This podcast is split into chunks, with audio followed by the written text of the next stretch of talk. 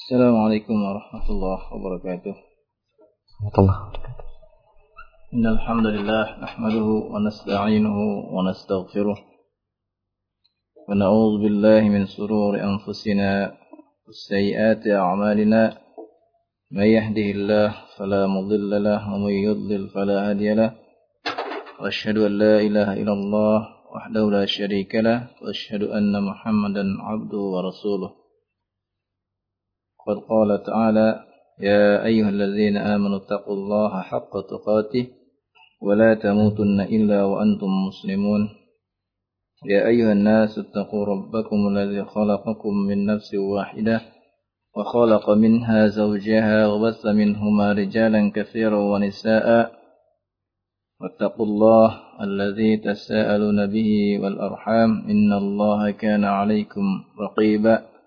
يا أيها الذين آمنوا اتقوا الله وقولوا قولا سديدا يصلح لكم أعمالكم ويغفر لكم ذنوبكم ومن يطع الله ورسوله فقد فاز فوزا عظيما. أما بعد فإن أصدق الحديث كتاب الله وخير الحدي حدي محمد صلى الله عليه وآله وسلم وشر الأمور محدثاتها وكل محدثة بدعة وكل بدعة ضلالة وكل ضلالة في النار إخوان في الدين عزكم الله Alhamdulillah kita melanjutkan kajian kita tentang kiroah dan malam ini kita kembali akan melengkapi kiroah yang pada pekan lalu kami sebutkan nama-nama qari atau pemangku mazhab dalam kiroah yang tujuh. Yang mana mereka kiroahnya ittifaq mutawatir. Dan di sana ada tiga lagi qari yang juga disepakati oleh para ulama dan mereka masuk dalam kategori kiroahnya yang diterima untuk tingkatan yang kedua yakni tingkatan ahad. Dan mereka adalah tiga qari yang pertama atau yang kedelapan dari kiroah asrah, kiroah sepuluh. Yang tujuh itu mutawatir dan yang tiga ini ahad. yakni Abu Ja'far Al-Madani. Yang namanya Yazid Ibnu Al-Qaqa Al-Mahzumi Al-Madani. Yazid Ibnu Al-Qaqa Al-Mahzumi Al-Madani. Berkata Imam Ibnu Jazari, "Kana Abu Ja'far tabi'iyan kabir al-qadar." Abu Ja'far yakni Yazid Ibnu Al-Qaqa dia seorang tabi'i yang mempunyai kedudukan yang besar. Intahat ilaihi riasatul qiraah bil Madinah.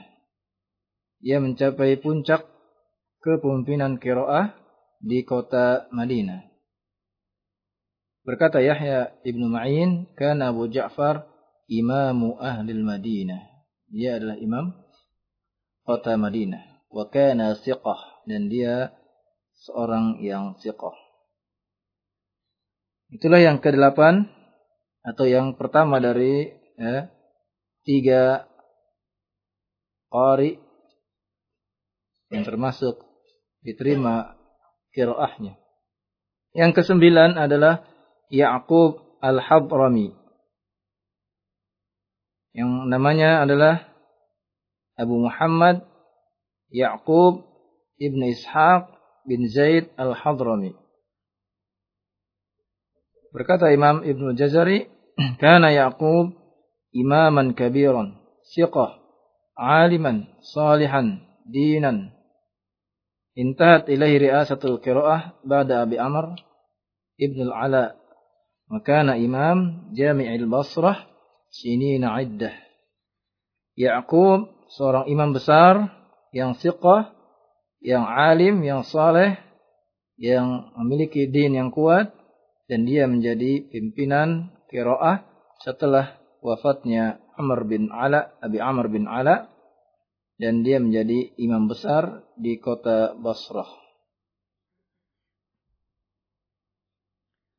Berkata Imam Ahmad bin Hanbal, Ya'qub Saduq. Kedudukan Ya'qub adalah Saduq. Kemudian yang terakhir atau yang ke-10 adalah Khalaf Al-Bazzaz. Yang namanya Abu Muhammad Khalaf bin Hisham Al-Bazzaz Al-Baghdadi.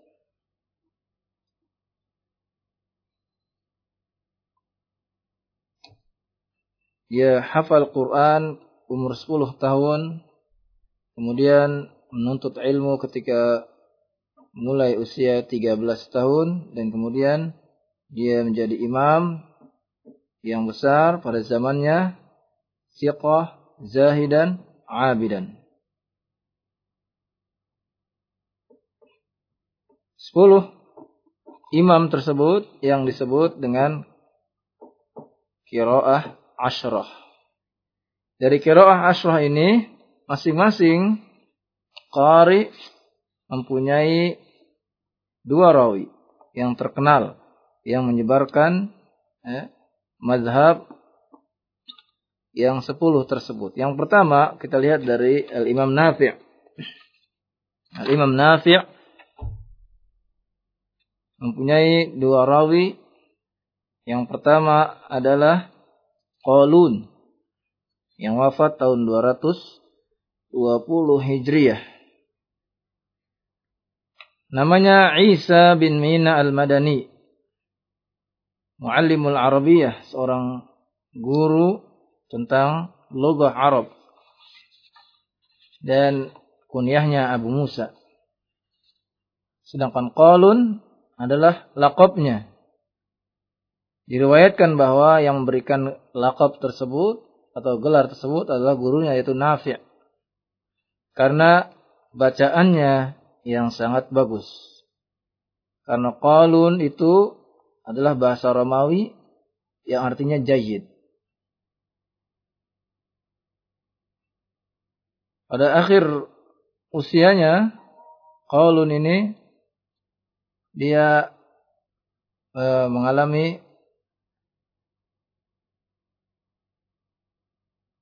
apa namanya kurang pendengarannya atau bahkan tidak mendengar di akhir usianya telinga tidak mendengar. Sampai-sampai dipukulkan ya genderang di dekat telinganya pun dia tidak mendengar. Akan tapi apabila seorang membaca Al-Quran dia mendengar. Subhanallah. Ini keistimewaannya.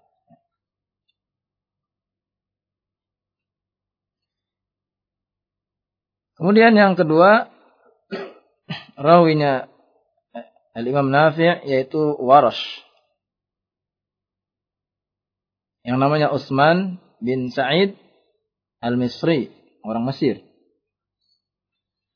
Demikian juga Warash merupakan lakop yang diberikan oleh gurunya Nafi'. Karena orang ini kulitnya sangat putih. Maka disebutlah oleh gurunya Warsh. Berkata Imam Ibnu Jazari, "Rahala Waras min Misri min Misra ila al-Madinatil Munawwarah." Al-Imam Waras berangkat melakukan perjalanan untuk talabul ilmi dari Madinah eh, dari Mesir menuju ke Madinah Al-Munawwarah liyaqra ala Nafi dengan tujuan untuk membaca Quran kepada Al-Imam Nafi. Ini menunjukkan bahwa Al-Imam Nafi sudah masyhur, sudah terkenal sampai ke Mesir. Sehingga biasa ya, para tolabul ilmi pada zaman dahulu mereka melakukan perjalanan. Nah, begitulah seharusnya kita juga tolabul ilmi ya, melakukan perjalanan. Jangan di rumah terus. Ya, melakukan rihlah pergi ya, untuk tolabul ilmi mendatangi masyayikh ya. Dan alhamdulillah sekarang masih banyak para masyayikh maka kita masih diberi kesempatan oleh Allah Subhanahu wa taala. Jangan sampai kita mendapatkan zaman nanti tidak banyak para masyayikh, maka kita akan kesulitan. Faqara alaihi arba'a khatamat. Maka dia baca kepada Al-Imam Nafi sampai empat kali khatam. Ya, baca. Ini bil ghaib. Empat kali dapat ya, kepada Al-Imam Nafi. Lalu raja ila Misra fantahat ilahi riasatul iqra biha. Dia kembali ke Mesir dan dia menjadi pimpinan dalam masalah bacaan Al-Qur'an walam yunazi'uhu fiha munazi' maka tidak seorang pun yang menandinginya. Ma'a bara'atihi fil arabiyyah dan dia juga mahir dalam bahasa Arab. Wa ma'rifa bit tajwid dan mengetahui ilmu tajwid. Wa kana hasan as-saut dan dia suaranya bagus. Wa qala Az-Zahabi berkata Imam Az-Zahabi kana warash ashqar saminan marbu'an. Waras itu orangnya uh, askor. Rambutnya apa namanya? Pirang. Ya, rambutnya berwarna pirang. Saminan, gemuk. Ya. ya. Marbuan, tidak tinggi, tidak tidak pendek, sedang. Yalbasu ma'adzalika siyaban mutawadiyah. Namun demikian dia memakai pakaian yang sederhana saja. Walaihi intahat riasatul iqra bidyar misriyah fi zamanihi. Dan dialah pada dialah puncaknya eh, iqra atau eh, kepemimpinan dalam kiroah di negeri Mesir. Itu dua rawi dari Imam Nafi' yakni Qalun dan Warash. Kemudian ada lagi dua rawi dari Imam Ibnu Kasir, imam yang kedua, yaitu Al-Bazzi wa Kumbul. Yang pertama Al-Bazzi yang wafat tahun 250. Dia bernama Ahmad bin Muhammad bin Abdullah bin Abi Bazzah. Al-Muazzin Al-Muazzinul Makki, dia muazzin di Masjidil Haram di Makkah. Kunyahnya Abdul Hasan. Berkata Imam Ibnu Jazari, kan al-Bazzi imaman fil qiraah. Bazzi seorang imam dalam qiraah, muhaqqiqan yang selalu mentahqiq eh, bacaannya itu eh, apa namanya? Eh, tahqiq bacaannya. Tidak cepat. Dhabit ya, kuat hafalannya siqah, kemudian siqah. Intahat ilahi masihatul iqra di Makkah. Pada dirinya lah ya, mencapai bacaan di Makkah. Wakana muazzinul Masjidil Haram. Dia adalah muazzin di Masjidil Haram. Waqala Abu Amr Ad-Dani Haddatsana Faris bin Ahmad menceritakan kepada kami Faris bin Ahmad an Ahmad bin Muhammad bin Abi Bazzah qala qara'tu ala Ikrimah bin Sulaiman. Aku membaca kepada Ikrimah bin Sulaiman falamma balagtu wadduha tatkala aku sampai kepada surat wadduha qala kabbir berkata eh, Ikrimah kabbir bertakbirlah Qara'na ala Abdullah bin Kasir. Kami baca kepada Abdullah bin Kasir. Faqala lana kabbir. Tatkala kami sampai kepada surat Wadduha, dia berkata kepada kami, kabbir, takbirlah. Fa inni qara'tu ala Mujahid. Aku membaca kepada Mujahid. Faqala li kabbir. Dia pun berkata kepadaku, kabbir, bertakbir. Qara'tu ala Ibnu Abbas. Aku membaca kepada Ibnu Abbas. Faqala li kabbir. Maka dia pun berkata kepadaku, bertakbirlah. Qara'tu ala Ubay bin Ka'ab. Aku membaca kepada Ubay bin Ka'ab. Faqala li kabbir. Maka dia berkata kepadaku, bertakbirlah. Qara'tu 'ala Nabi wasallam faqala li kabbir. Kata Ubay, aku baca kepada Nabi wasallam maka beliau berkata, kabbir, bertakbirlah. Nah, di sini juga dikeluarkan oleh Imam Hakim di kitab Al-Mustadrak. Nah, ini tentang membaca takbir ketika hataman seseorang telah sampai pada surat Wadduha. Nah, pembahasan tentang ini nanti kita akan bahas tersendiri. Ya. Dan Al-Imam Ibnu Jazari telah menulis tentang bab takbir ini di kitab beliau. Ya. Nashar. Juga Al-Imam Ash-Shatibi sebelumnya juga telah menulis tentang bab takbir tersebut.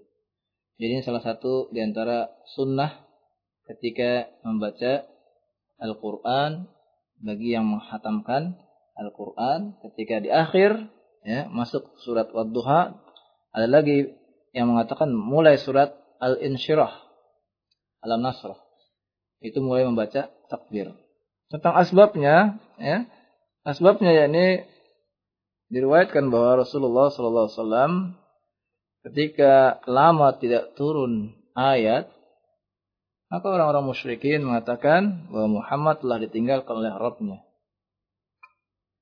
Ya, sampai beberapa waktu tidak turun ayat. Maka ketika itu, ya, turunlah malaikat Jibril membawa wahyu wadduha. Maka Nabi kemudian bertakbir. Nah, dari situlah ya, dimulai ya, ya, sunnah ber, bertakbir. Nanti insya Allah pembahasan tentang ini akan kita baca tersendiri di kitab uh, Al-Imam Ibnu Jazari. Yang kedua adalah kumbul. Rawi dari Ibnu Kasir. Yang namanya Muhammad bin Abdurrahman bin Muhammad bin Khalid bin Sa'id Al-Makki Al-Makhzumi. Walaknya kepada Al-Makhzumi. Kunyahnya Abu Amr Lakabnya kumbul. Ada yang mengatakan dinamakan dia kumbul karena dia menggunakan obat ya untuk meminum memberi minum kepada sapinya. Obatnya namanya kumbul. Maka karena dia sering menggunakan obat tersebut, maka terkenalah dia dengan sebutan kumbul. Nah itu, jadi nama obat itu ya. Jadi karena dia sering menggunakannya akhirnya dipanggil kumbul. Al-Imam Ibnu Jazari mengatakan karena kumbul imaman fil qiraah mutqinan dhabitan intahat ilaihi masyihatul iqra bil hijaz. Wa rahala ilaihi nas minal aqtar. Kumbul seorang imam dalam qiraah yang mutqin, yang dhabit, yang menjadi pimpinan Iqra di di Jazir, di Hijaz, Jaziratul Arab. Dan banyak manusia dari berbagai penjuru negeri yang melakukan perjalanan menuju kepada kumpul untuk belajar kiroah kepadanya. Imam yang ketiga, rawi imam yang ketiga yaitu Imam Abu Amr bin Ala. Ada dua perawinya yaitu pertama Ad-Duri yang wafat tahun 246 Hijriyah.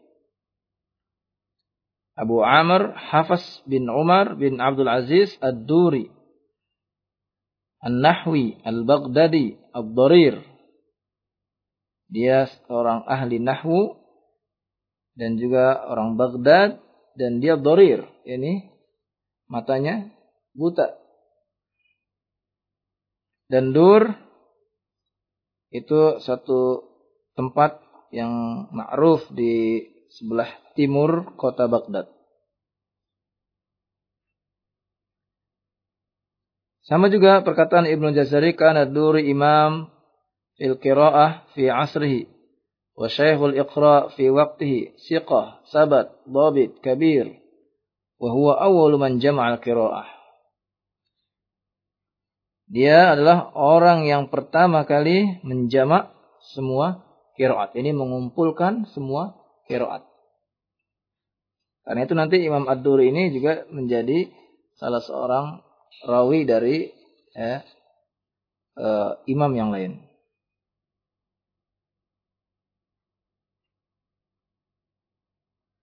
Berkata Abu Ali Al-Ahwazi, "Rahal ad-Duri fi tulabil qira'at wa qara'a bisairil huruf as-sab'ah." Ad-Duri pergi untuk mencari qiraat dan membaca seluruh qiraat yang tujuh. Lalu wa jama'a min zalika syai'an katsira dia mengumpulkan dari yang ia dapat itu sangat banyak. Wa huwa siqatun fi jami'i ma yarwihi dan dia siqah dalam apa-apa yang dia riwayatkannya wa dahron dan umurnya cukup panjang. Wa zahaba basaruhu fi akhir umurhi dan matanya buta ketika akhir umurnya. Yang kedua yaitu Al-Imam Susi. Rawi yang kedua dari Imam Abi Amr. Namanya Shu'aib bin Saleh ibnu Zayad. Shu'aib bin Saleh ibnu Zayyad bin Abdullah. Berkata Al-Imam Ibnu Jazari, "Kana Susi muqri'an dhabitan muharraran." Siqah. Dia seorang muqri, qari, dhabit yang kuat dan juga penulis yang siqah. Kata Abu Hatim, "Kana Susi saduqan." Kemudian rawi yang keempat yaitu Ibnu Amr. Ibnu Amir ya, rawinya ada dua, yang pertama Hisham. Hisham bin Ammar Ad-Dimashqi. Berkata Ibnu Jazari, "Kana Hisham alimu ahli Dimas wa khatibuhum wa muqri'uhum wa muhaddisuhum wa muftihim ma'asiqa wa dabat wal adalah." Hisham seorang alim dari Damaskus, khatib mereka dan ahli kiroah mereka dan juga ahli hadis mereka juga mufti. Dan dia siqah dabat dan adil. Kata Ad-Darqutni huwa saduqun kabirul mahal. Dia saduq dan mempunyai kedudukan yang yang besar Rawi yang kedua dari Ibnu Amir adalah Ibnu Zakwan. Namanya Abdullah bin Ahmad bin Bashir bin Zakwan.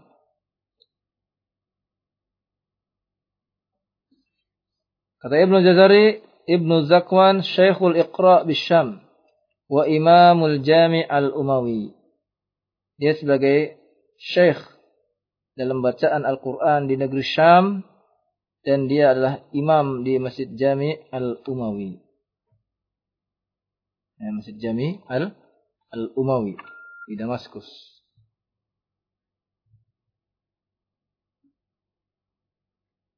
Kemudian rawi yang kelima yaitu Asim.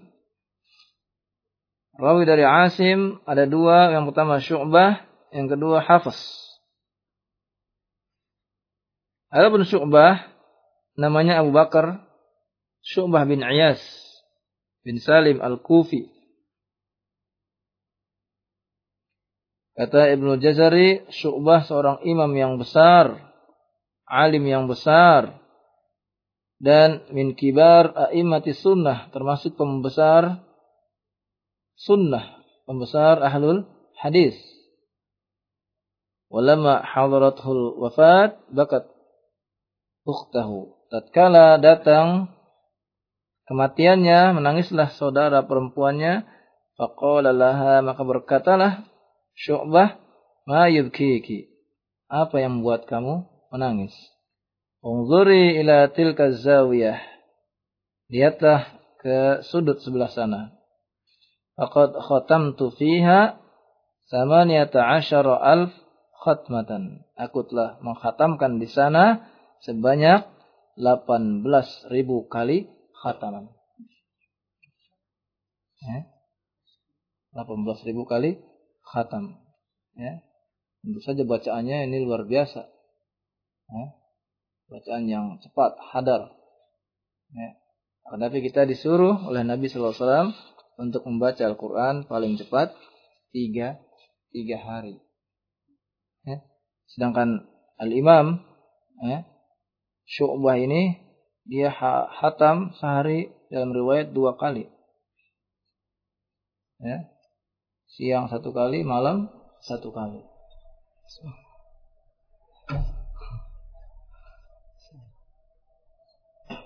Siapa zaman sekarang yang sama?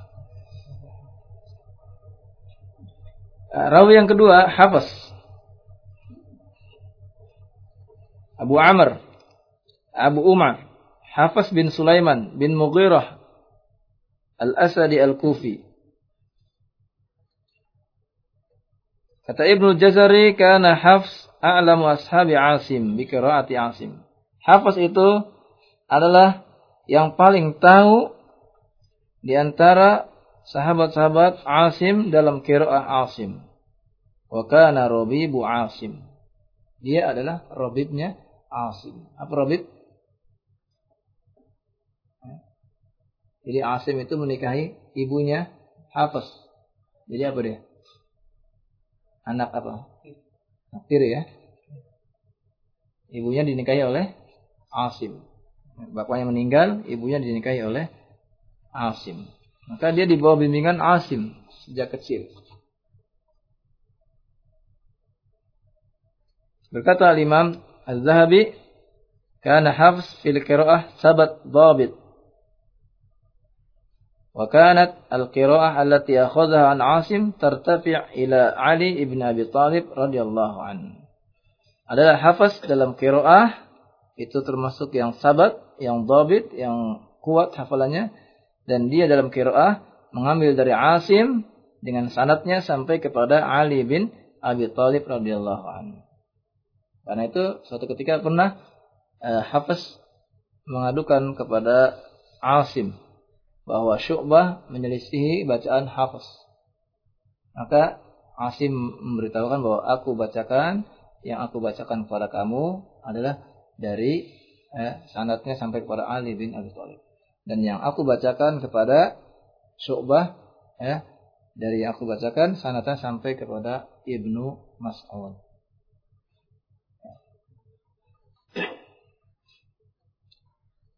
Kemudian rawi yang keenam. Nah, nanti kita akan memperluas bahasan tentang Imam Hafiz an Asim karena ini yang kita baca di negeri kita khususnya. Ya. Karena itu kita membaca uh, pembukaan ini sebagai uh, wacana buat kita uh, supaya kita melihat bahwa bacaan itu bukan hanya satu saja. Agar kita tahu sehingga nanti tidak terburu-buru ketika ada orang kok bacanya lain. Ya, seperti orang-orang dari Maghrib, dari Maroko. Ya, mereka bacanya bukan riwayat Hafiz. Ya, tapi riwayat Warsh, ya. Sehingga nanti tidak kaget kita, oh ini bacaannya riwayat ini, ya.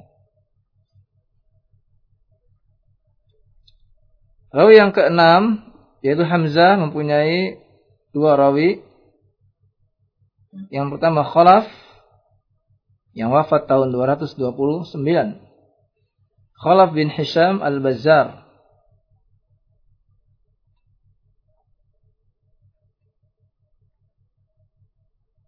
Beliau sebagaimana perkataan Husain Kana yabda'u bi ahli Quran summa ya'zanu lil muhaddisin. Dia mulai eh, dari ahli Quran kemudian baru para muhaddisin. Wa kana yaqra alaina min hadis Abi Awana khamsina hadisan dan beliau membaca kepada kami hadis dari Abu Awana sebanyak 50 hadis. Wasaqahu Ibnu Ma'in wan Nasa'i dan dia disiqahkan oleh Ibnu Ma'in dan Al-Imam An-Nasa'i. Selain dia ahli Quran juga ahli al-hadis. Kemudian yang kedua Khalad yang wafat tahun 220 Hijriah. Khalad bin Khalid As-Sirafi Kata Ibnu Jazari, karena Khalad imaman fil qiraah siqah, arifan, mujawwidan, ustazan, dhabitan, mutqinan. Ya, itulah pujian-pujian dari para ulama. Ini yang ke enam ya. Sedangkan yang ketujuh Al-Imam Al-Kisai. Rawinya ada dua juga, Abdul Haris dan yang kedua Hafaz Ad-Duri. Ya. Yang tadi juga ya, Hafiz Adur yang mengumpulkan kiroah tadi. Dia juga jadi rawinya dari Al-Imam Al-Kisai. Abu Haris namanya Lais bin Khalid Al-Baghdadi. Ibnu Jazari mengatakan Abu Haris sangat bagus kiroahnya, dobit kuat hafalannya, muhakkik. Kemudian juga yang kedua yaitu Hafaz Ad-Duri yang sudah kita baca tadi. Itu rawi yang keberapa? Rawi yang ketiga, ketiga dari Abi Amr, Abi Amr bin Ala. Ya. Kemudian yang kedelapan Abi Ja'far. Yazid ibn Qaqa. Ya. Rawinya ada dua, yaitu Ibnu Wardan dan Ibnu Jamaz. Ibnu Wardan namanya Isa bin Wardan Al-Madani. Sebagaimana juga perkataan Ibnu Jazari bahwa Ibnu Wardan adalah qari dan pimpinan dalam Al-Qur'an yang dhabit, yang muhaqqiq dan termasuk yang pertama-tama dari sahabat Nafi.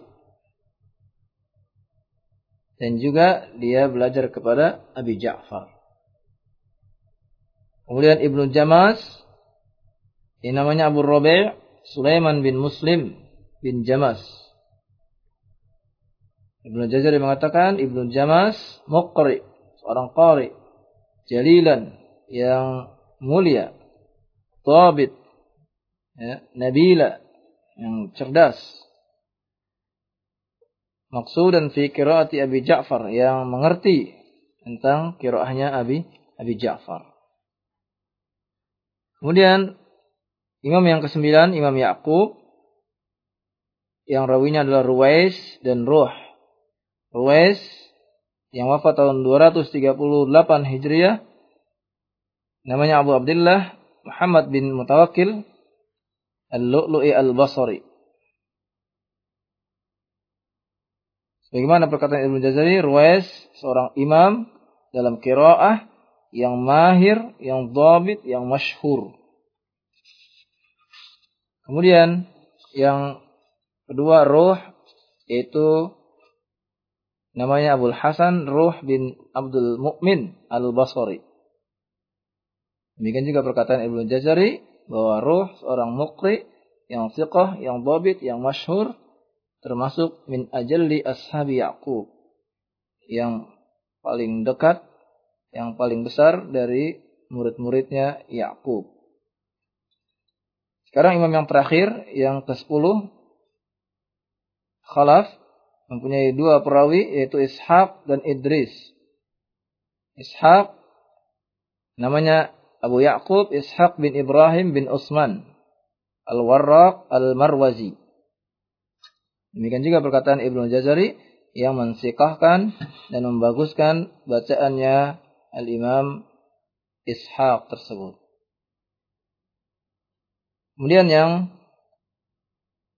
terakhir yaitu Idris yang namanya Abdul Hasan Idris bin Abdul Karim Al-Baghdadi yang dikatakan oleh Imam Ibnu Jazari dia seorang imam yang dhabit, yang mutqin, yang siqah.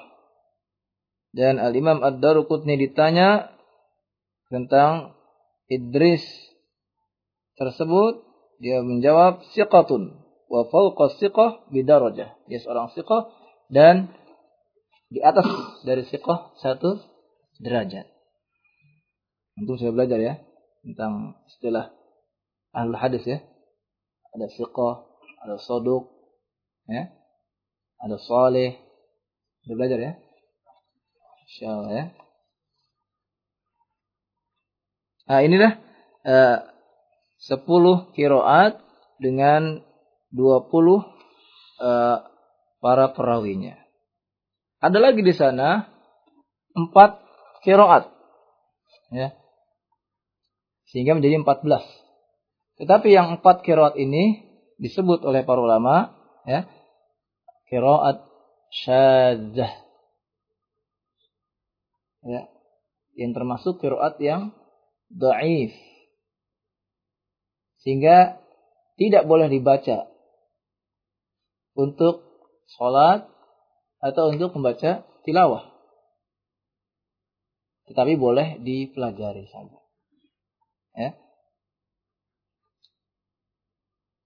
Berkata Imam As-Suyuti yang menukil dari Al-Imam Ibnu Jazari tentang syarat-syarat kiroat ya, yang diterima dan yang tidak diterima. Kiroat itu yang pertama yang mutawatir. Yakni yang sepakat para ahli kiroat yang tidak mungkin berdosa atasnya ya, yang termasuk di dalamnya yaitu tujuh kiroat tadi. Yang disebut kiroat sabah. Ini mereka masuk dalam kiroah yang mutawatir. Kiroah yang kedua yaitu kiroah yang masyhur. Yakni yang sanatnya sahih. Eh, dari perawi yang adil, yang dhabit, eh, dan seterusnya.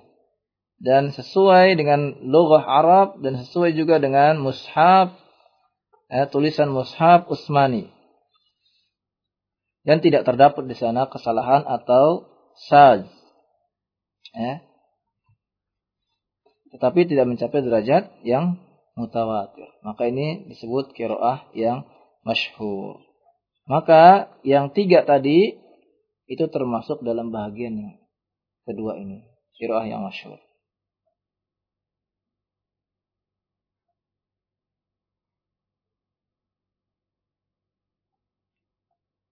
Kemudian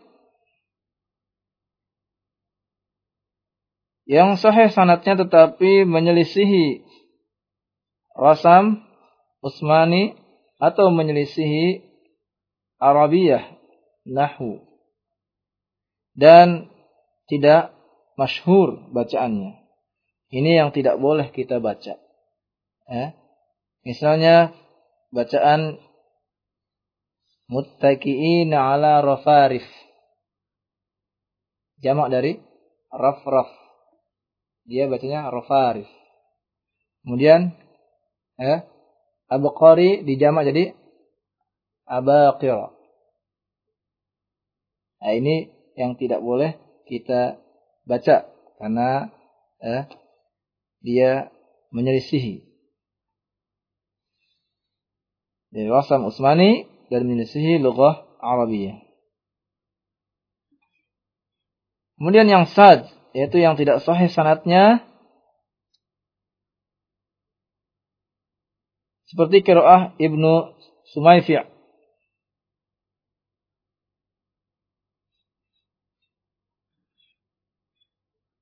Fal seharusnya fal yauma nunajjika bibadanika. Lalu dia membacanya fala yauma nulahika nulahika dengan ha. Seharusnya dengan ha yang mu'jamah yang diberi titik menjadi jim. Ini yang muhmalah yang tidak diberi titik. Nunahika. Ini yang sad, ini yang tidak boleh juga kita baca. Kemudian yang kelima yang maudhu. Ya. Seperti bacaannya Al-Khuzai, Abu ja Muhammad bin Ja'far Al-Khuzai itu yang maudhu. Kemudian yang keenam yang mudraj. yakni kemasukan uh, semacam tafsir. Seperti kiroahnya Sa'ad bin Abi Waqqas walahu akhun au ukhtun min um. Ada tambahan min um. Nah, ini tafsirnya.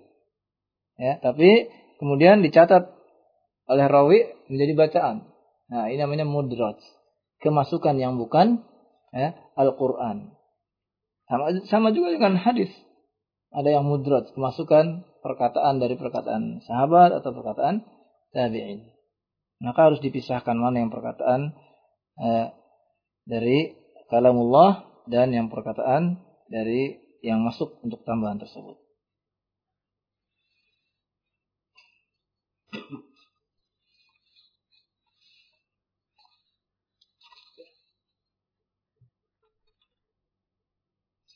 Kita lanjutkan dengan tanya jawab ya.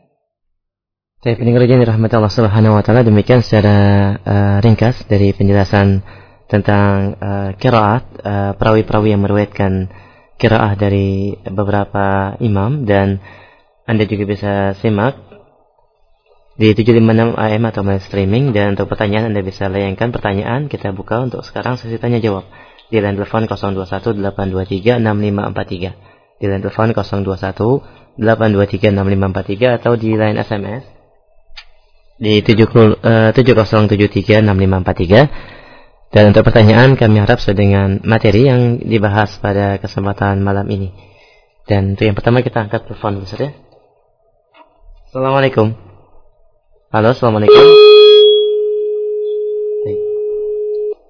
Terputus Anda bisa menghubungi kembali silahkan di 0218236543 dan untuk pertanyaan pesan singkat seperti biasa di 70736543. Dan kami angkat terlebih dahulu pertanyaan dari pesan singkat bagi Anda yang ingin bertanya silahkan.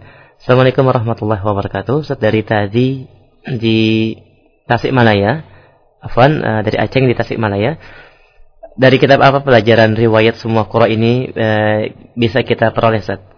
Dan mudah-mudahan ana secara khusus bisa mempelajarinya jazakallahu khair. Yang pertama antum bisa baca kitab Abu Amr Ad-Dani ya. Al-Qira'atus Sab'ah ya. Atau Al-Misbahul Zahir fil Qira'atil Ashr Al-Bawahir oleh Imam Mubarak bin Hasan bin Ahmad bin Ali ibn Fathan.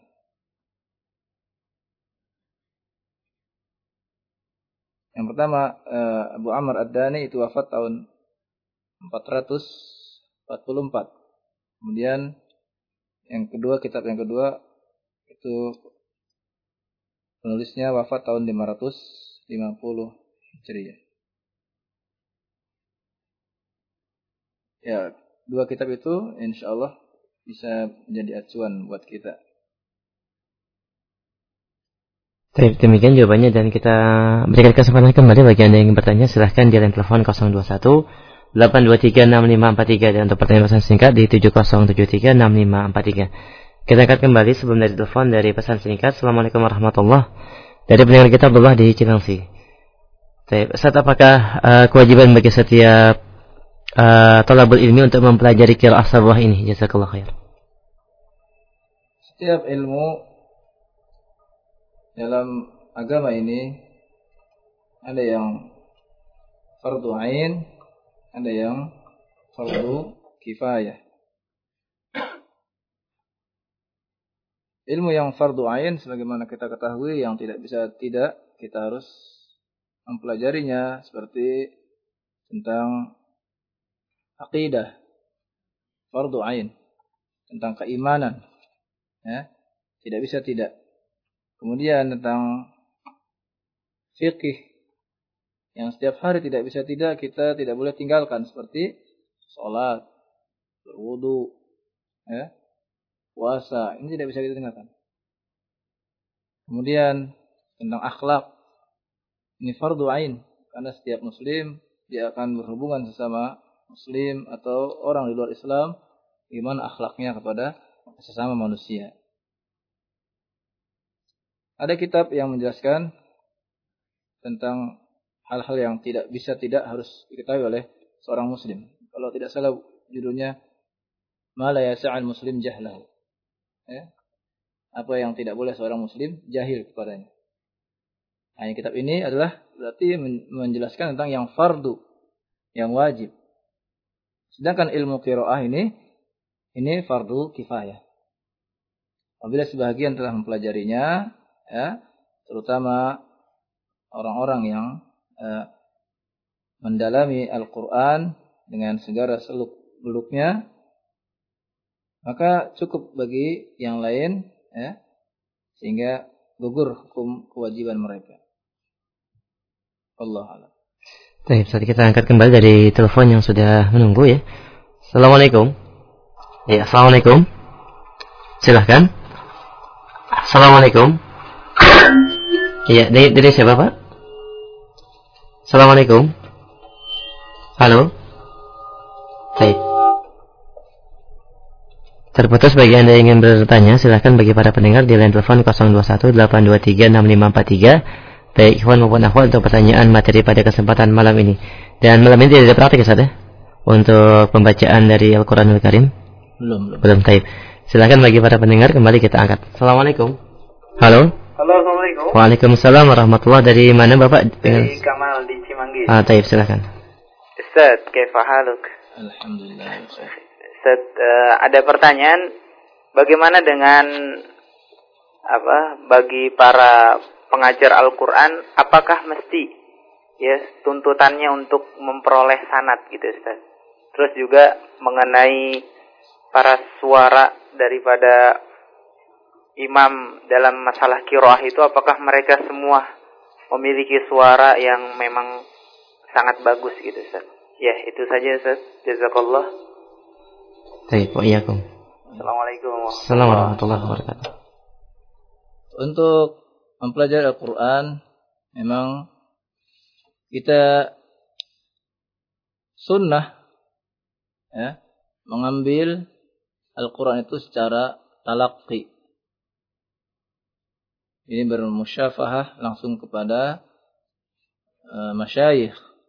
Ya. Akan tapi di negeri kita ini memang terbatas. Ya. Tentu saja apabila kita mengetahui ada seorang syekh yang memiliki sanad sampai kepada Rasulullah SAW dalam bacaannya, itu yang ahsan, yang terbaik buat kita. Apabila kita sanggup mendatanginya, kita datangi. Namun apabila tidak, kita tidak bisa mendapatkannya atau terlalu jauh, maka carilah yang kita dapati yang terbaik buat kita. Tentu saja dalam mencari ustadz, dalam mencari guru, ya, dilandasi dengan uh, akidah, ya. Akidah yang sahih yang kita lihat terlebih dahulu, ya. Kita melihat akidahnya yang sahih, kemudian suluknya yang baik, ya. Maka kita belajar kepadanya. Uh, diriwayatkan bahwa ada seorang dari kaum salaf yang mendatangi seorang guru. Lalu kemudian dia tidak langsung belajar. Dia mengikutinya sampai tiga bulan. Setelah tiga bulan dia telah mengetahui bagaimana akidahnya dia telah mengetahui bagaimana akhlaknya suluknya. Barulah dia istikharah dan minta kepada Allah. Lalu kemudian baru dia sungguh-sungguh mendatangi guru tersebut untuk belajar. Jadi tidak terburu-buru. Ya, kita terkadang melihat, wah ini sikoh nih, sikoh. Langsung datang. Ya, ternyata begitu sudah belajar, ada akhlak yang menurut kita, kita tidak sukai, akhirnya kita malal, bosan. Ah, saya tidak suka dengan Syekh Fulan, karena begini, begini, begini.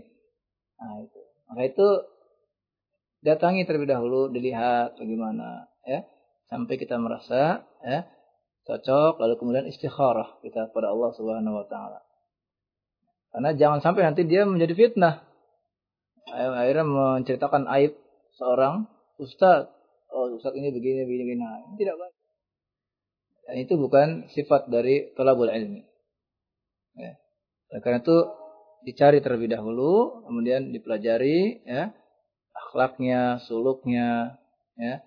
Dan Ketika kita mendapati kekurangan seorang ustadz, seorang syekh, maka itu wajar, dia manusia.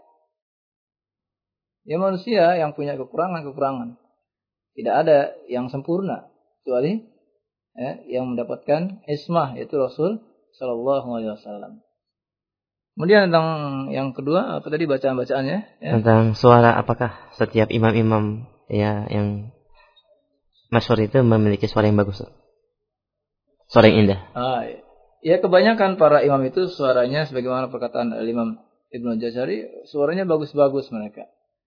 Ya, makanya disebut qalun. Oleh Imam Nafi disebut qalun. Qalun itu bahasa Romawi yang artinya jayyid. Ya. Nah, itu disebut ya seperti itu. Karena bagus suaranya. Karena Nabi pun memerintahkan kita untuk membaguskan suara. Ya, Allah Subhanahu wa taala tidak mengizinkan bagi kita yang diberi suara yang bagus kecuali untuk hal-hal yang dicintai dan diridhai Allah Subhanahu wa taala.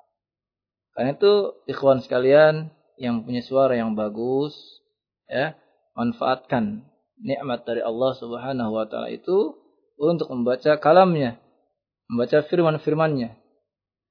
Jangan untuk mengkufurinya ya, dengan menyanyi, ya,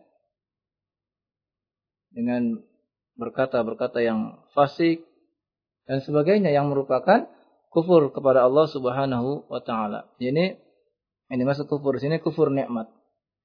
Yang dia telah diberi nikmat suara yang bagus, lalu dia gunakan suara tersebut untuk ya, sesuatu yang dimurkai dan mendapatkan ya, kebencian dari Allah Subhanahu wa taala. Karena itu manfaatkan ya. Banyak sekali ikhwan yang suaranya bagus-bagus ya. Ya, ini manfaatkan untuk membaca kalamullah. Allah a'lam. Baik, Ustaz, kita angkat kembali dari telepon. Assalamualaikum. Waalaikumsalam warahmatullahi wabarakatuh. Iya, dengan siapa Bapak di mana? Dengan Hasan di Cibitung. Silahkan Pak.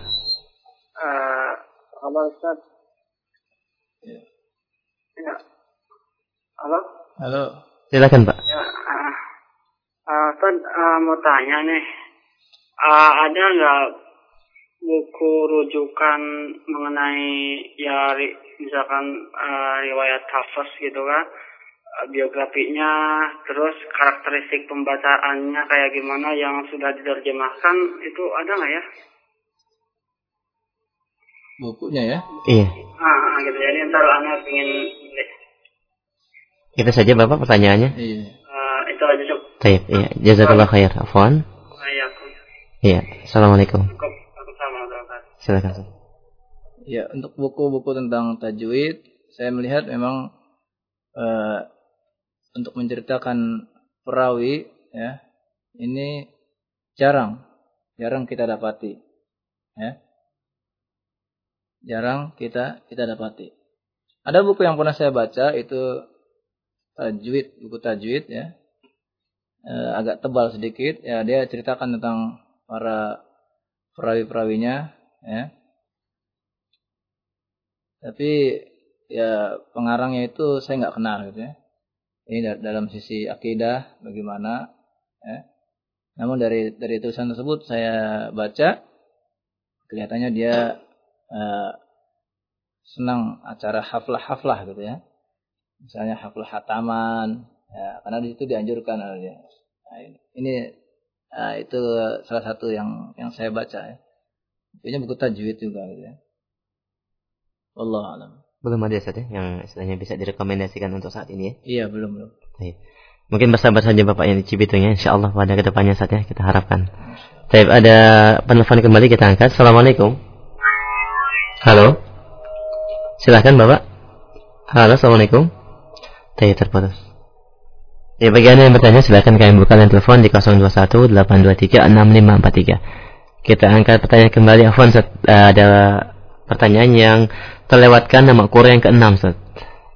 Nama Qura yang keenam dari catatannya mungkin terlewatkan bisa diulang kembali, Ustaz. Iya. Qura yang ke-6 yaitu Hamzah. Ya. Rawi yang ke-6 yaitu Hamzah Az-Zayyat. Ya, rawinya ada dua ya. Yang pertama Khalaf, yang kedua Khallad. Nah, itu rawinya dua. Baik, kita angkat kembali dari telepon. Assalamualaikum. Halo. Assalamualaikum. Salam Iya, dengan siapa Bapak di mana? dengan Isem. Di mana Bapak? Sem. Oh iya, silakan. Pak. Ya. Alhamdulillah baik. Ini mau tanya tentang Abu Muhammad TV. Ya. Afwan Pak kurang jelas suaranya, diulang kembali. Abu Muhammad Qasim Abu Muhammad Qasim Syatibi. Syatibi ya. Di antara Hirzul Ma'an atau Iya. Iya. Anda maksud ini dengan pertanyaan ini ke Imam Yang mengarang Itisam uh, uh, yang dimaksud Imam Syatibi al-Itisam gitu ya? Iya. Ah iya iya. Maaf, ya afwan, afwan. Iya. Ya, jazakallah khair ya, Bapak. Ya. Saya tangkap saya pertanyaannya. Iya. Imam Syatibi itu ya penulis Nazam Syatibiyah yang nama kitabnya Hirzul Amani itu ya. Hmm. Iya. Apakah itu termasuk apakah dia juga yang apa namanya? penulis kitab Al-I'tisam. I'tisam. Uh, saya kurang tahu ya. Apakah itu termasuk yang pengarang itu sama, tapi dari zamannya itu hampir sama. Ya. Nanti kita akan lihat lagi ya. Uh, tahun kelahirannya dan tahun wafatnya. Apabila sama, berarti itu dia orangnya. Kalau Ibnu Kasir beda. Ibnu Kasir ini dia yang di abad kedua Hijriah. Dia termasuk atba'ut tabi'in di Ibnu Katsir yang penafsir itu abad ke-7 ya. Beda. Baik, Ustaz. Kita angkat kembali dari telepon. Assalamualaikum. Afwan terputus. Ya, silakan bagi para pendengar yang ingin bertanya kembali di line telepon 021 823 6543. Baik, kita angkat kembali dari pesan singkat dari Buyung di Pondok Aren. Sebagaimana hukumnya tilawah yang dilantunkan kebanyakan kori di Indonesia yang uh, ma'ruf ya di Indonesia uh-huh. dari segi panjang pendeknya oh, iya. itu tafadhol Ustaz. Itu termasuk dalam uh, tatrib ya.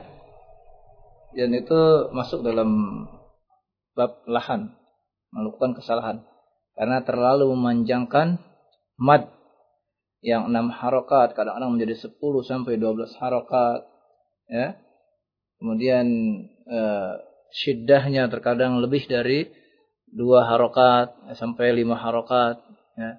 ini termasuk lahan ya. lahannya lahan jali ya. dan ini yang termasuk ya, yang dilarang dalam cara membaca tilawah itu. Baik, saat kita angkat kembali dari telepon. Ya, assalamualaikum. Silahkan, assalamualaikum. Iya, salam dengan siapa di mana? Halo? Di mana Bapak? Oh, Tangerang. Silakan Pak.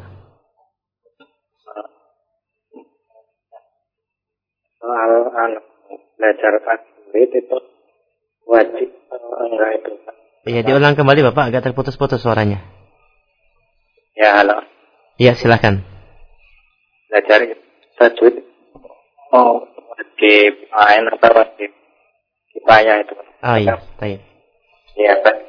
Enggak enggak Iya, baik, kita bisa tangkap pertanyaannya. Jazakallah khair. Silakan, Ustaz. Iya. Membaca Al-Qur'an dengan tajwidnya ini fardu ain. Sedangkan mempelajari ilmu tajwidnya ini fardu kifayah. Ya. Eh, perkataan Ibnu Jazari ya, man lam yujawwidil Quran asimu siapa yang tidak mentajwidkan Al-Quran ini dalam membacanya asimu bahwa asimu maka dia berdosa ya. itu sudah pernah kita bahas Allah alam Baik, kita angkat kembali dari pesan singkat. Baik, kita angkat dari telepon dulu. Assalamualaikum. Waalaikumsalam warahmatullahi Dari Abu Naila di Ciawi, Bogor. Ah, baik, silakan, Bapak. Ini mau nanya, Ana pernah belajar ilmu uh, kiroah tapi nggak mendalam begitu. Terus guru Ana mengatakan bahwa menurut imam yang mutabar di Indonesia ini, Imam Hafaz apa sih Pak? Imam Hafaz, ah, ya. Hafaz iya. itu uh, kaitan dengan ada kaitan dengan mad, mad jaiz.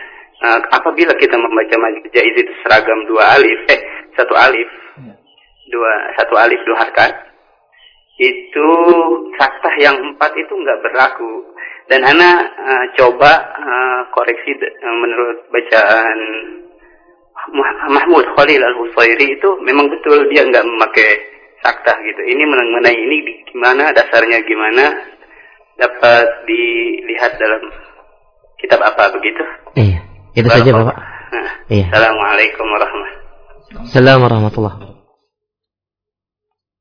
uh, bacaan riwayat Hafiz ya juga riwayat yang lain itu ada yang menurut Syatibiyah ya ada yang menurut Taibatun Nashr ada yang menurut Durrah ya nah ini uh, kita belum dengar uh, Hori dari Khalil ya ya membacanya dia menurut uh, kaidah yang mana gitu ya jadi kita belum belum bisa lihat ya. Kalau kita tahu kaidahnya ya.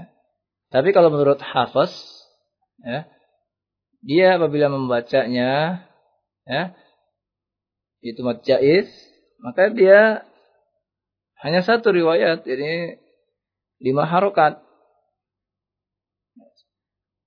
Apabila menurut Thayyibatun Nasr itu memang ada. Dia membacanya boleh dua harokat, boleh tawasud yang empat harokat atau boleh yang uh, enam harokat. Nah itu begitu. Makanya ini perlu dilihat terlebih dahulu. Ya. Yang kita baca riwayat hafaz di Indonesia ini kebanyakan melalui jalan Syatibiyah. Maka tetap saktahnya ada empat, ya, dan membacanya dengan uh, dengan lima harokat atau empat harokat. Gitu, Allah Allah. Baik, demikian Bapak jawabannya dan kita angkat kembali dari pesan singkat. Assalamualaikum warahmatullahi wabarakatuh. Berkenan dengan pelafalan amin Sat, ketika sholat sebagai makmum. Ketika imam selesai baca Al-Fatihah yang dibaca panjang kebanyakan orang uh, boleh tidak Sat? Mengucapkan amin dengan panjang ya. Memang tidak disebutkan mana yang dipanjangkan A-nya atau min-nya di sini. Iya. Kalau menurut Rosam amin itu ya A-nya itu dua harokat. Ya. Sedangkan yang panjangnya yaitu enam harokat. Min. Ya itu. Makanya kalau kita dengar ya para imam di Masjidil Haram itu dia baca amin panjang ya. Nah, tapi karena kebanyakan makmum ya mungkin dari kita kebanyakan makmum ya di Mekah itu dari orang Indonesia ya, yang biasanya A-nya panjang juga, minnya panjang juga ya. ya. Jadi yang terdengar ya seperti itu. Ya, emang kalau menurut bacaan yang sahih amin. Nah, A-nya dua dua harokat. Ya. Nah, ini ya uh, masuknya lahnul khafi. Baik, Ustaz. Kita angkat kembali dari pesan singkat dari Abu Hafiz di Cawang. Ustaz, bolehkah kita belajar tajwid dengan cara otodidak? Jazakallahu khair. Jazakallahu khair ya. Eh, belajar tajwid secara teori ya silahkan otodidak tidak apa-apa secara teori ya. Tapi secara praktek ketika membaca seorang membaca Al-Quran ini tidak bisa secara otodidak, tidak bisa. Ya. Al-Qira'atu al -Qira sunnah. Ya'khudul awal, ya'khudul akhir minal awal. Qira'atu sunnah yang diambil dari orang yang belakangan kepada orang yang pertama-tama. Ya. Nah, pernah terjadi pertentangan ya uh, kalau tidak salah A'mas ya. Dia dikatakan oleh orang ahli nahwu bacaannya salah. Lalu dia katakan ya saya baca dari fulan. Fulan baca dari fulan. Sampai disebut sampai Rasulullah SAW. Ya. Apakah mereka punya seperti itu? Ya. Ada diam semuanya. Ya. Maka itu dikatakan golabaz zayatun. Ya. Menanglah kaum Zaid. Kaum Zaid menang. Ya. Itu ya, yang yang menang yang seperti itu. Ya, bukan yang otodidak walaupun dia belajar ya e, dari kitab-kitab tidak bisa dia mengetahui bagaimana e, mulut. Umpama kita belajar masalah e, ismam. Dari mana ya, belajar ismam itu. Tidak bisa.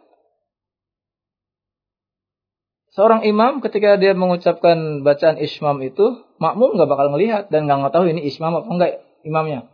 Karena tidak terlihatan. Terlihat ketika apa? Ketika berhadapan.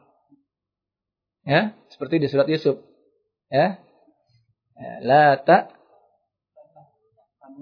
asalnya la ta manuna. Ya. Tapi riwayat Hafiz ya, la ta manna Bibirnya saja yang maju sebentar. Ya, sebagai isyarat bahwa di situ ada ya, nun berharokat dhammah. Ya, tapi tidak terlihat oleh makmum. Oh, ini ismam tidak nggak tahu. Hatta orang yang di depan juga kalau dia buta nggak ngelihat juga. Ya. Nah, ini perlu melihat. Demikian juga raum. Pembacaan dengan raum. Ya. Pernah belajar Rom? Ya. ya nanti nanti ada ada pelajarannya. Nah, itu harus melihat kepada seorang guru. Ya. Misalnya ya, yang berharokat di akhirnya domah. Ya. Maka ketika dia mengucapkan, dia isyarat dengan domah. Isyarat saja. Ini pun tidak terlihat. Ya. Yang menunjukkan dia melakukan raum. Ya. Ya tidak terlihat. Nah, ini ya, perlu belajar kepada seorang guru supaya tahu prakteknya. Bagaimana praktek sabta, bagaimana praktek tahqiq dan tashil dalam bacaan ya, riwayat Hafiz ada satu bacaan. Ya. Nah, ini tidak bisa tidak dia harus melihat kepada seorang guru, tidak bisa otodidak. Ya. Nah, ilmu yang lain mungkin bisa dia otodidak. Ya. Tapi ini ya, Nabi mendapatkan dari Malak Jibril. Malak Jibril minallah dari Allah Subhanahu wa taala. kan sahabat dari Nabi sallallahu alaihi wasallam terus ya, berturut-turut sampai kepada kita sekalian yang hidup pada zaman sekarang ini. Ya. Allah alam. Baik, saat kita angkat kembali dari telepon. Assalamualaikum. Waalaikumsalam. Dikecilkan sedikit Bapak suara radionya. Ya. Iya. Dengan siapa di mana Bapak? Ya, saya ane nih Ahmad Umri ini di Pondok Bekasi. Ya, silakan Pak. Oh, ane mau nanya nih. Kalau syarat-syarat jadi imam tuh apa aja ya? Iya. Nah, saya kedua, saya orangnya bukan begitu pintar sih tapi disuruh jadi imam saya pede aja gitu iya ya tapi karena saya terpaksa ya orang pintar badainya apa saya jadi tabrak oh gitu oh, saya alhamdulillah saya aman waktu atan aja gitu iya iya terus kalau saya kadang-kadang juga baca Quran yang begitu baik maglubnya alaihim waradhdallin amin saya nggak baca bismillah lagi hmm. Nah itu gimana tuh seperti lillahi ma sama gitu kan? Iya, langsung ya, ya langsung ayatnya ya. Iya, iya. Iya. Oke, Assalamualaikum Ustaz ya. Waalaikumsalam warahmatullahi ya. wabarakatuh. Ya, jazakallah khair. Silakan Ustaz. Iya. Syarat menjadi imam ya pertama dia orang Islam karena ini ibadah orang orang Islam ya. Nah, kemudian dia ya, ya tidak berhadas ya harus suci. Kemudian untuk maju ke depan ya diutamakan kata Nabi sallallahu alaihi wasallam ya umul qaum aqra'uhum kitabillah. Yang mengimamkan suatu kaum yaitu yang paling banyak hafalan kitab Allah. Ya. Jika kan sawa apabila mereka sawa ya, a'lamuhum sunnah. Yang paling mengerti tentang sunnah dimajukan. Dalam riwayat yang lain aqdamuhum sinnan yang paling uh, tua itu juga dikedepankan. Sama-sama hafal Quran, sama-sama banyak hadis yang paling tua dimajukan. Ya. Uh, jangan seorang walaupun dia hafal Quran maju mengimami di tempat orang lain tidak boleh. Ya. Tetap yang maju itu tuan rumahnya. walaupun dia tidak hafal Quran. Ya, tidak apa-apa. Gitu Allah. Eh, kalau kasusnya seperti Bapak ini gimana, Ustaz? Artinya ilmunya pas-pasan tapi dipaksa jadi imam. Ya, kalau memang di sana tidak ada lagi yang mau jadi imam ya atau ada tapi lebih jelek lagi umpama ya lebih parah lagi ya darurat itu dah ya. Sholat tidak bisa ditinggalkan hmm. hanya untuk menunggu imam yang benar ya nanti bahaya. Ya, sosok Ya, sosok ya. Dan kemudian pertanyaan yang kedua, langsung membaca ayat tanpa basmalah setelah Al-Fatihah. Iya. Uh, basmalah uh, telah terjadi ijma bahwa basmalah itu termasuk ayat dari surat Al-Fatihah. Ya. Kemudian uh, untuk surat-surat yang lain tidak dimulai dengan basmalah, tapi basmalah itu sebagai pembatas antara surat-surat tersebut. Sedangkan dalam membaca Al-Quran, ya, yang diwajibkan yaitu ta'awud terlebih dahulu. Ta'awud terlebih dahulu. Ini pun terjadi khilaf tentang ta'awud ini. Ada yang mengatakan wajib, ada yang mengatakan sunnah. Ya. Ada yang mengatakan kalau sudah berta'awud sekali dalam hidupnya maka itu sudah cukup. Ya, tapi berdasarkan keumuman ayat, "Faidza qara'tal Qur'an fasta'id billah." Maka bila kita membaca Quran kapan pun, maka kita mulai dengan isti'adah. Ya. Kemudian membaca bismillah ya. Ini tadi untuk Al-Fatihah kita baca bismillah. Akan tapi ya Nabi Shallallahu alaihi wasallam terkadang mensirkan bismillahnya ya. Terkadang menjaharkan bismillahnya.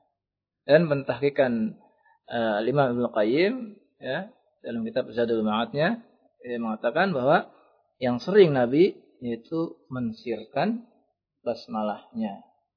Ya. Terkadang beliau menjaharkan basmalahnya. Nah, itu. Demikian juga kalau membaca pertengahan ayat, ya, nah, nggak apa-apa, nggak perlu baca Bismillah. Allah. Baik, saat kita angkat satu penelpon terakhir mungkin pada kesempatan malam ini. Assalamualaikum. Waalaikumsalam warahmatullahi wabarakatuh. Iya, dengan siapa Bapak di mana? Dengan Yudi. Di mana Pak Yudi? Baik, silahkan. Uh, ini Ustaz, uh, kalau imam membaca surat Al-Fatihah pada ayat terakhir itu yang Ugairil maghdubi alaihim gitu kan seterusnya.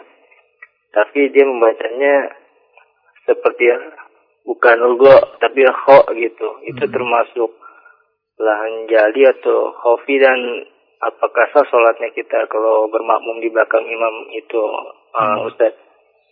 Uh, gitu aja Ustaz. Hmm. Jadi itu seperti seperti ho bukan nugo gitu. Iya. Uh, itu saja Bapak? Iya gitu Baik, aja. Iya, kita terus. Uh, Assalamualaikum warahmatullahi wabarakatuh. Itu termasuklah nurul jali ya. Memang kho dan ghain itu makhrajnya sama. Ya. Tetapi dari sifatnya itu yang berbeda. Ya. Dan berubahnya dari huruf wa kepada huruf kha ini merubah arti. Ya. Kalau makmum berjamaah bersama orang tersebut, maka dia tetap sah sholatnya dan e, imam yang menanggung kesalahannya. Ya.